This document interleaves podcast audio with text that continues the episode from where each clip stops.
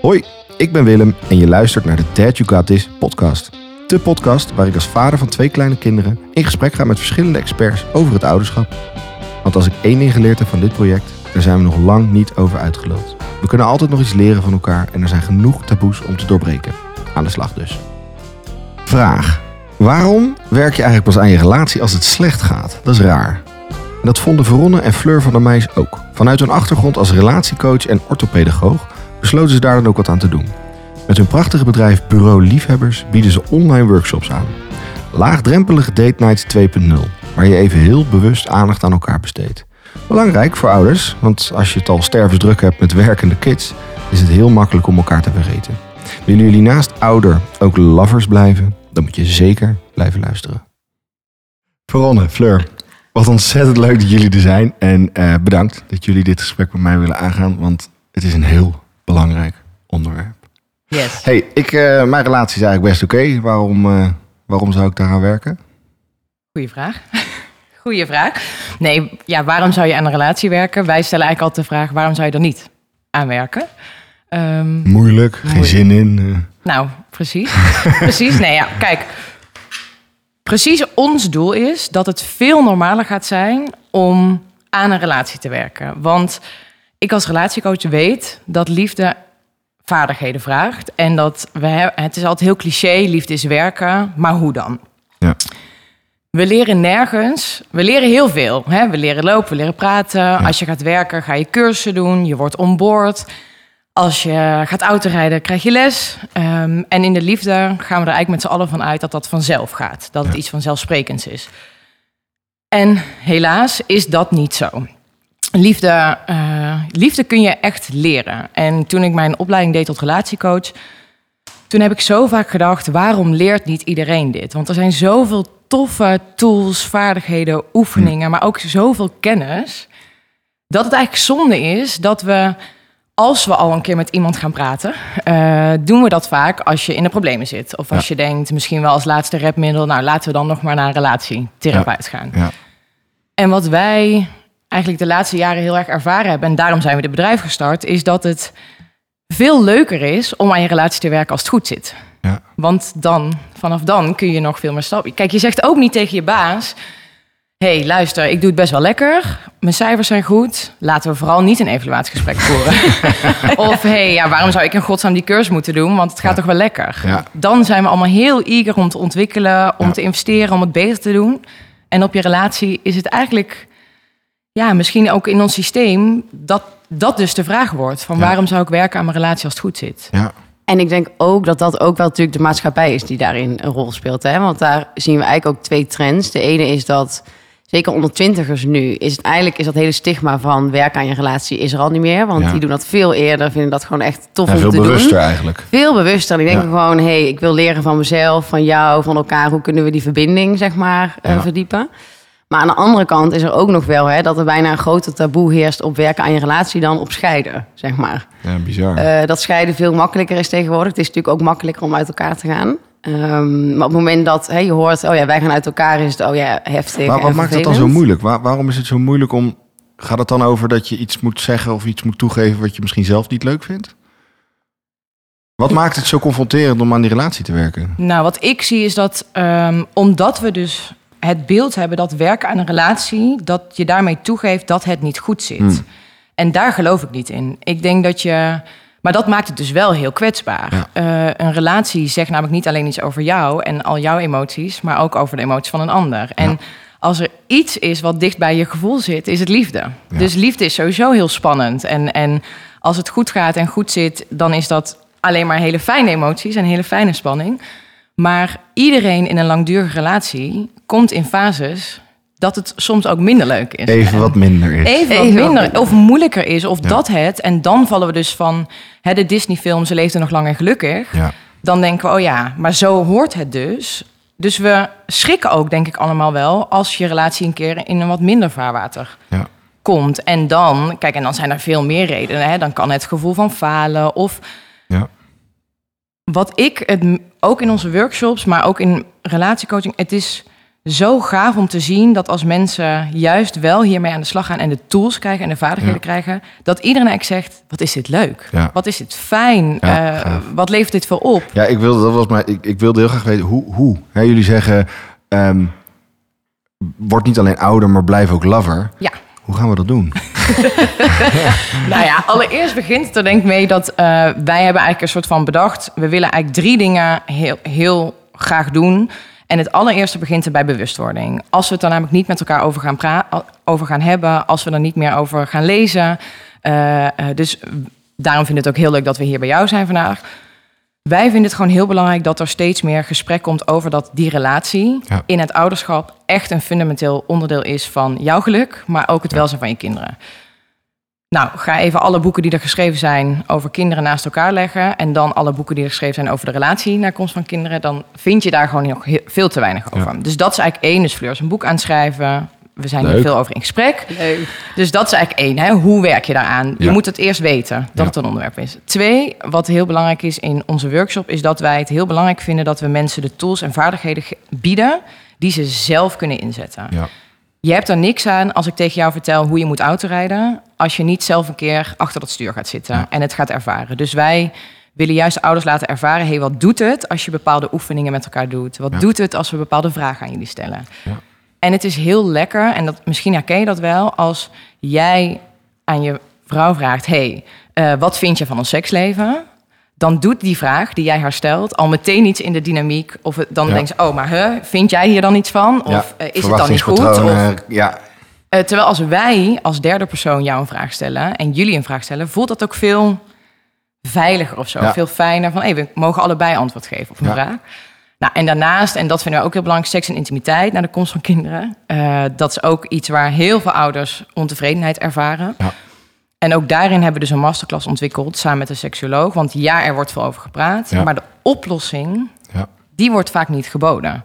En wij willen ook daar weer door middel van oefeningen, door gesprekstarters, door toffe tools, eh, leren wij ook ouders van hoe begin je dan dat gesprek? Hoe doe Seks je dat begint bij samen? praten. Ja. Ja. Ja.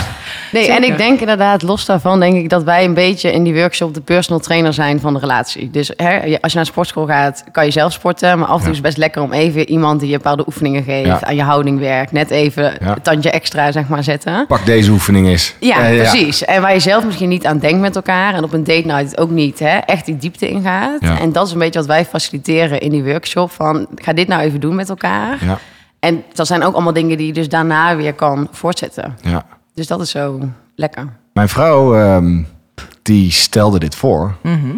En ik vond het echt superleuk.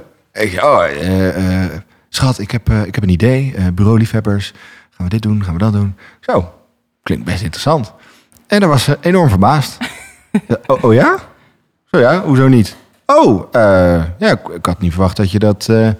is dat iets wat jullie vaker zien? Dat, dat een vrouw het misschien makkelijker doet dan een man? Ja, maar misschien leuker de vraag. Wat maakt dat jij dacht interessant? Zo, dat vind ik een hele interessante. Wat een interessante vraag.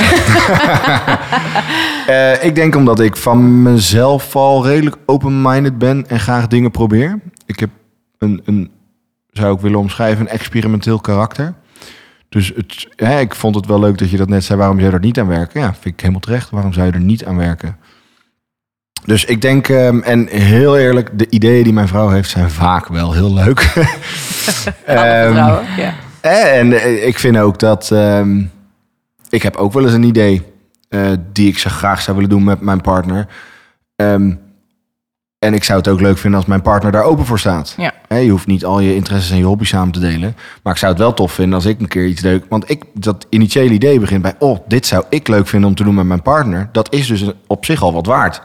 En als ik dan zeg, nou, geen zin in. Ja. Ja. dan zeg ik, kijk, ik heb geen zin om iets met jou te doen. ja. Dus het, ehm, ze had ook kunnen zeggen, zullen we gaan bungee jumpen? Eh, maar ik vond het heel leuk en ik vond namelijk ook... eh, ja, jullie gaan er nu nog meer over vertellen, maar ik, de, de manier waarop vind ik heel interessant. Hè, ook vrij uniek wat mij betreft. Want je doet het ook meteen. Ja. Hè, je, jullie zeggen het, en wat je zegt, personal trainer, je moet het daarna ook nog doen. Ja. En dan zie je denk ik pas dat het werkt. Ja. Ja. Ja, Ja. ja ik, ik, ik vind het... ehm, Maar om wel even naar terug te komen op jouw vraag. We horen het wel van heel veel vrouwen die Ja. precies wel hier tegenaan lopen van... ja, ik, ik zou wel willen, maar ik krijg mijn man niet mee. ja. Terwijl enerzijds is het ook, oké, dat kan ook een aanname zijn. Want hoezo? Heb je het gevraagd? Heb je het überhaupt gevraagd? En anderzijds, natuurlijk weten we, het mannenbrein werkt daarin anders. En die staan vaak min... Ik denk dat weinig mannen... We hebben een aantal aanmeldingen vanuit de man. Maar het overgrote deel komt wel van, Ja. vanuit vrouwen. Ja. Die of als verrassingen doen... of wel gewoon de man daarin meenemen. Ehm, en ik denk wel dat het bij mannen veel meer zit in... het nog spannend vinden... en toch dat gevoel van falen misschien meer in zit... en het zelf gewoon willen doen. Van, hè, mannen zijn daarin toch praktischer ingesteld... en Ja. wij lossen dit zelf wel op en we fixen het zelf. En Ja. we hebben hier niemand voor nodig. Terwijl als we uiteindelijk zien de reviews en de ratings van mannen zijn bijna nog hoger dan die van vrouwen. Misschien ook omdat ze verrast worden. Maar ik denk dat elke man die twee uur onverdeelde aandacht van zijn vrouw fantastisch vindt. Ja. Ja. Ja. Ja. Eh, wat, ehm, wat is dat eigenlijk, een goede relatie? Ja, dat eh, vind ik altijd een hele mooie vraag, omdat het gave van een relatie is, denk ik, dat die echt uniek is voor jou en je partner. En iedereen mag zijn of haar manier of definitie van een gelukkige relatie bepalen. Je hebt zoveel verschillende vormen van een relatie. Eh, uiteindelijk is het ook een heel subjectief begrip. Dus een goede relatie bestaat op het moment dat jij en je partner allebei ervaren dat er. ehm, dat jullie gelukkig zijn in die relatie. En daarmee meteen zeggende, want dat, dat krijg ik heel vaak. Een goede relatie betekent niet dat je nooit meer ruzie hebt. Dat je elkaar niet af en toe onwijs irritant vindt. Dat je niet af en toe denkt, "Pff, is dit het wel? Hè? Of dus die fases. Een Ja. relatie is ook niet altijd leuk. Nee. Een goede relatie gaat ook door fases die minder zijn.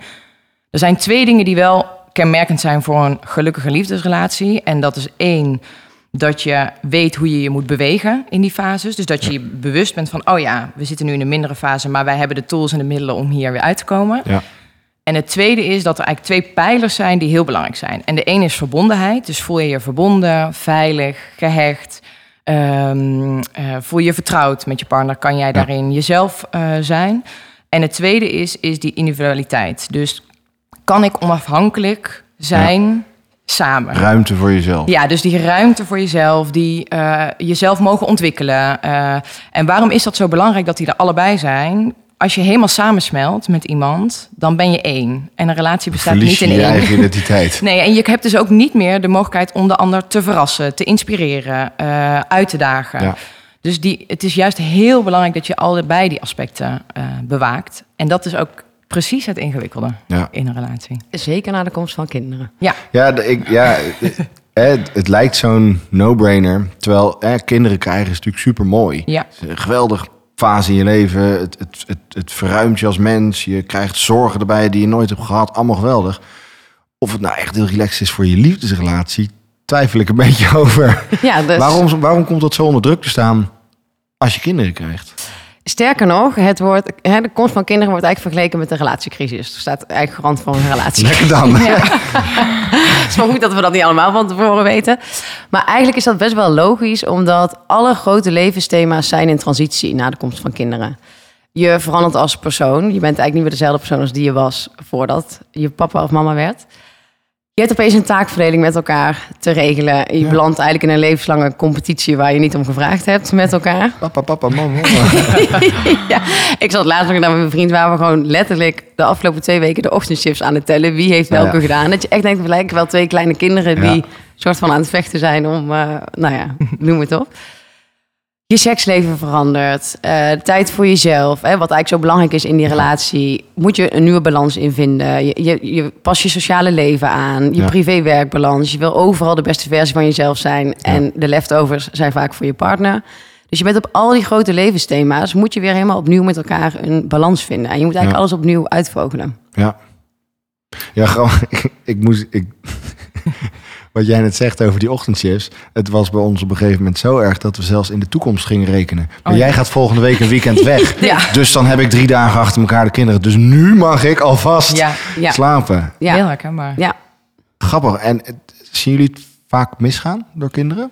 Ja, zeker. Nou, als je kijkt even gewoon naar de cijfers, gaat sowieso 30% van de ouders uit elkaar voordat de oudste drie is. Boom. Ja, Ja. dus dat is echt heel veel. En in 30 procent. 30% voordat de oudste drie is. Dus dat is ook echt in die kritische eerste Ja. jaren.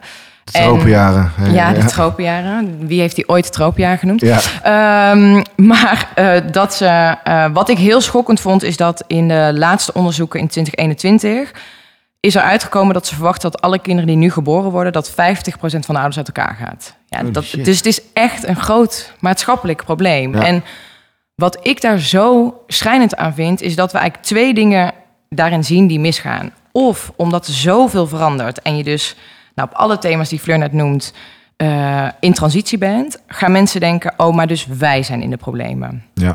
Eigenlijk zit je allebei namelijk gewoon in een hele kwetsbare fase, Ja. een drukke fase, maar je gaat het op En elkaar bespreek dat projecteren. juist met elkaar. Want Precies. ja. Ja. Dus het is, het is eigenlijk een enorm gemiste kans om juist niet in die fase Ja. eh, daaraan voorbij te gaan, maar juist dan te bespreken: hey, hoe kunnen wij elkaar helpen? Hoe gaan Ja. wij elkaar hier? Ja. Hoe willen wij over vijf jaar terugkijken op deze tijd? Hè? Hoe, hoe kunnen we elkaar blijven Daar ben je vinden? eigenlijk nooit zo bewust mee bezig. Helemaal, nee, omdat er dus ook niet over gepraat wordt. En hoe, hoe, wat zijn dan die valkuilen waar je... Hoe herken je het?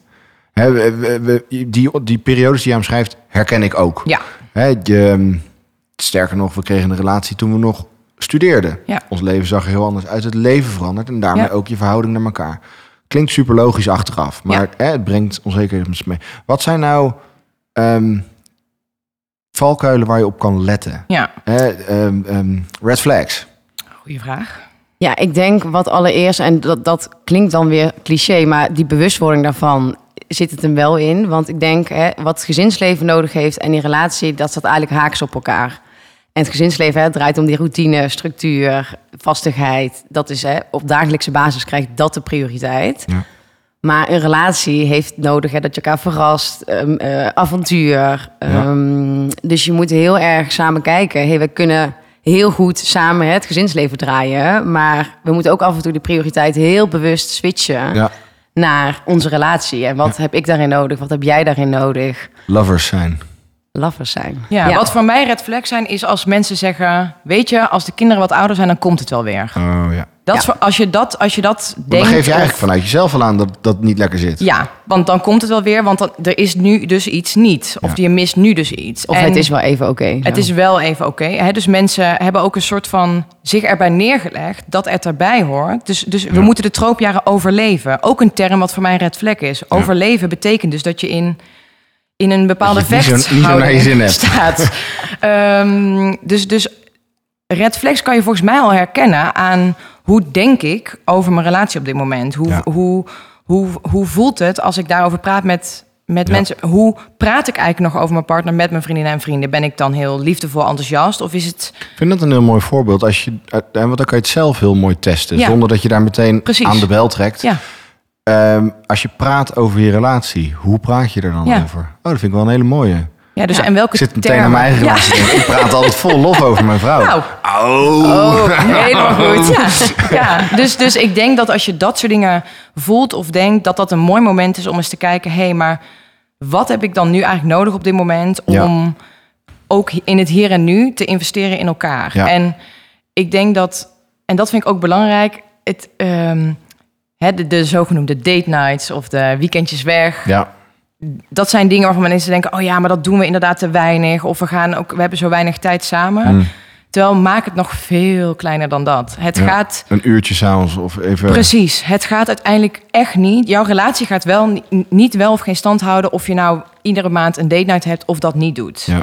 Het zijn die kleine. denk ik ook vanaf wat je op de date night doet. Ook je kan op een date night met z'n tweeën op de telefoon zitten. Ook dat. Ook dat. Maar het risico is ook dat er in die date night alles moet gebeuren. Ja. Oh ja, ja, daar ligt veel te veel druk op. Ja. Ja, Ja. waardoor het juist heel erg averechts gaat werken. Want oh, hoe, nu, moet, al- nu moeten wij weer. Nu moet het Ja, gebeuren. precies, op alle vlakken. En dan als dan dat niet gebeurt, dan oh mijn Ja. god. Eh, dan hebben we pas echt een probleem. Ja, Eh, eh, hoe, hoe ziet een rijles eruit? een rijles. Ja, een rijles. Goeie vraag. Nee, ja, maar je- In de metafoor, ja. Ehm, want het, het, jullie doen online... Ja. ehm, je, je doet als stel mee aan het programma. Ja. En je gaat dan op dat moment het ook doen. Ja. Yes. Wat, Ja. ga, wat ga je dan doen? Meerdere dingen. Ja, we kunnen natuurlijk niet alles verklappen. Nee. Maar wat we, ja, zij, het is inderdaad, het is de avond voor hun samen hè, als stel. Ja. En wij geven gewoon heel veel oefeningen hè, die je doet. En we kunnen wel een kleine tipje geven. We beginnen met dat, dat stellen elkaar even twee minuten aankijken. Oh, wow. Intens. Ja, maar die kracht van stilte is sowieso heel groot. Maar je checkt natuurlijk volledig weer even in bij elkaar. ja. En nou ja, het hele programma, mm, ja, wat kunnen we daar... Nee, kijk, ik denk dat wat het ehm fijnste is hebben. En je zegt, hoe ziet zo'n rijles eruit? Je zit samen lekker op de bank. Je hebt een lekker drankje en een hapje. En wij begeleiden je door middel van een aantal oefeningen. En een van de, we hebben een aantal eh, workshops. Ja. Een van de workshops is dat wij heel erg inchecken bij jou en je partner. Waar heb jij nu behoefte aan? Ja. En weet je van de ander waar die behoefte aan heeft? En hoe kun je... Want daar, dat is vaak nog wel een gesprek wat mensen met elkaar hebben. Van, oh, ik heb echt even tijd voor mezelf nodig. Ik heb echt even dit nodig. Maar wat heel moeilijk is voor mensen om zelf te bedenken is... en hoe maken we dit nu concreet ja. en heel klein? Wat betekent ruimte voor jezelf? Precies. Ja. Ja. Want je kunt dat een paar keer roepen van... Jezus, ik heb zo weinig tijd voor mezelf. Of, maar vaak de stap zetten naar... wij gaan nu even zitten met elkaar... Ja. en we gaan daadwerkelijk afspraken maken over... Wat, dat, wat we dan nu in de komende vier weken gaan doen... om daar ruimte voor te maken. En Ja. daar gaan we ons ook aan committeren. Daar begeleiden wij u in, in die workshop. Playstation. eh, gewoon. Precies, whatever. Oh, echt leuke dingen. Ja, maar en dan, en dan is het een leuk voorbeeld als jij daar behoefte aan hebt. Maar ik wil hem nog concreter. Dus wanneer ga je dat doen? Ja. Wat betekent dat voor je partner? Ja. En hoe ga je dat dan echt met elkaar organiseren? Iedere dag, zo lang mogelijk. Als dat de afspraak is? Nee. En, en Nee, dat ik snap, is ook... ik het snap is wat ook, je zegt. Het, het, het, het is, ehm, ik heb in een ander gesprek ook... Weet je, wat betekent het nou? Wat, wat is dat dan? Ja, Hè, tijd, ruimte, ook ehm, taken. Ja. Schrijf eens op. precies. Ja, Maak het expliciet. En in de masterclass Seks en Intimiteit laten we mensen... Mensen vinden het echt ingewikkeld om over seks te praten. Ja. Eh, wij, wij gingen deze masterclass maken samen met de seksuoloog. En ik denk dat wij ook door onze opleiding en doordat wij nu doen wat we doen... zelfs wij zaten ook met die seksuoloog met... oké, dit is best wel ehm, spannend om Ja. dit te bespreken Ja. met je partner... En door middel van de vragen die wij stellen, precies het voorbeeld wat ik net gaf, krijg je dus ruimte omdat iemand anders jou de vraag stelt. Ja. Eh, dus jij hoeft niet. je hebt niet het gevoel dat er een, een, een, agenda achter de vraag Precies, zit. Ja, Weet je, of een oordeel. Precies, of- wa- waarom vraagt hij dat? Ja, ja, Nee, en dan krijg je daar een gesprek over. ja, waarom vraag je dat? Hoezo vraag jij waarom ik dat vraag? ja, precies. Ja. En wij begeleiden dus ook Ja, mensen. sfeer weg. Ja, weg, klaar. En het, komt, het is vanuit negativiteit, vanuit verwijten. Ja. Eh, en wij proberen juist vanuit die positiviteit, om maar een voorbeeld te noemen, bijvoorbeeld met seks. Wanneer heb je voor. Als je het over seks hebt met je partner en ook naar de komst van kinderen, heb je het over frequentie. Hè? Doen we het vaak genoeg? Ja. Ben je daar tevreden over? En wordt er druk gevoeld? We moeten het vaker doen. Ja. Dat is een beetje het gesprek wat we denk ik nog wel voeren met Ja. elkaar. De vraag die wij bijvoorbeeld We stellen hebben is... pas één keer seks gehad deze week. Ja. Precies. Ja. de vraag die wij bijvoorbeeld stellen is: hey, heb, heb je het wel eens over eh, wat je leuk zou vinden?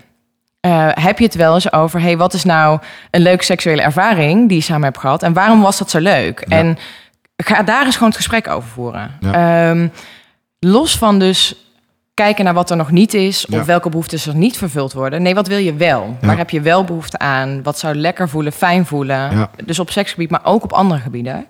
Om echt vanuit die positiviteit Ja. te kijken. Naar... Het is ook zo gevaarlijk om het dan langs zo'n maatschappelijk eh, maatstaf te leggen. Ja, Hè, mannen onder elkaar. eh, eh, eh, doe jij het nog maar één keer per week? Oh. Precies. En dan is het, ja. ja. Maar sterker nog, het begint natuurlijk al bij dat een kraamverzorger zegt... na zes weken mag je weer. Oh ja.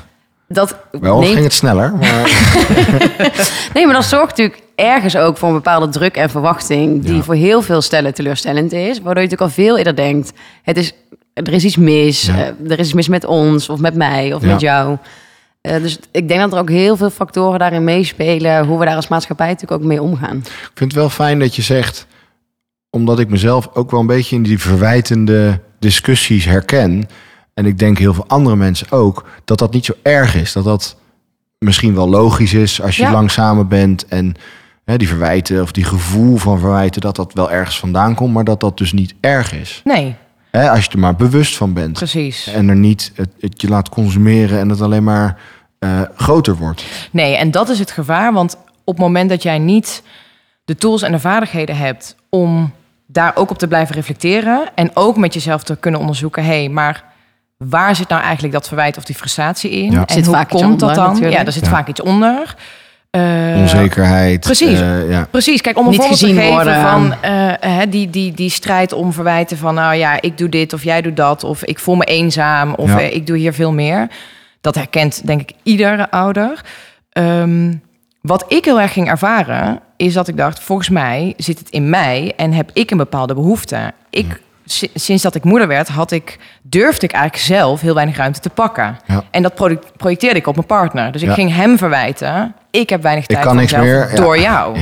Terwijl ik durfde gewoon eigenlijk niet meer te vragen... mag ik even tijd voor mezelf? Omdat ik dacht, ja nee, maar dan ben ik of een slechte moeder... of een slechte partner, want het is al zo druk. Ja.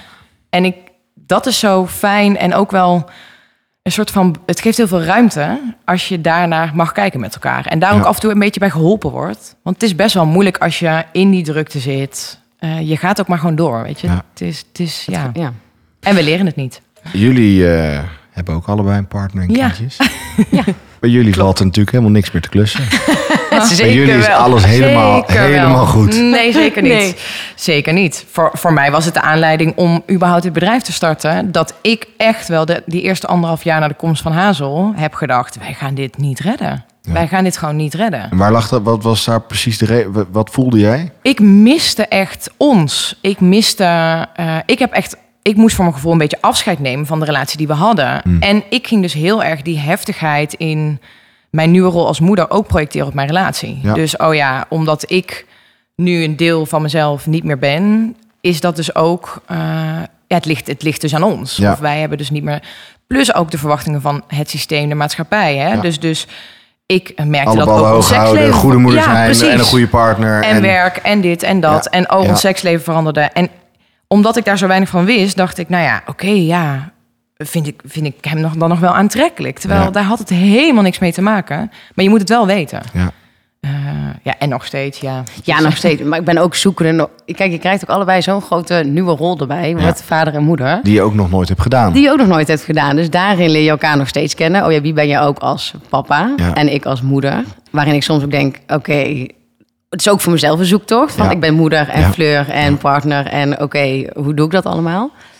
En ik denk dat je daarin levenslang ook van elkaar blijft leren. Want de persoon waarmee ik nu samen ben... is ook niet meer de persoon waarmee ik twee jaar geleden... Ja. Even los van dus de kinderen überhaupt... Ja, ja. eh, verander je als mens ook gewoon. Dus het blijft continu een zoektocht met elkaar... die ook heel leuk is. Ja.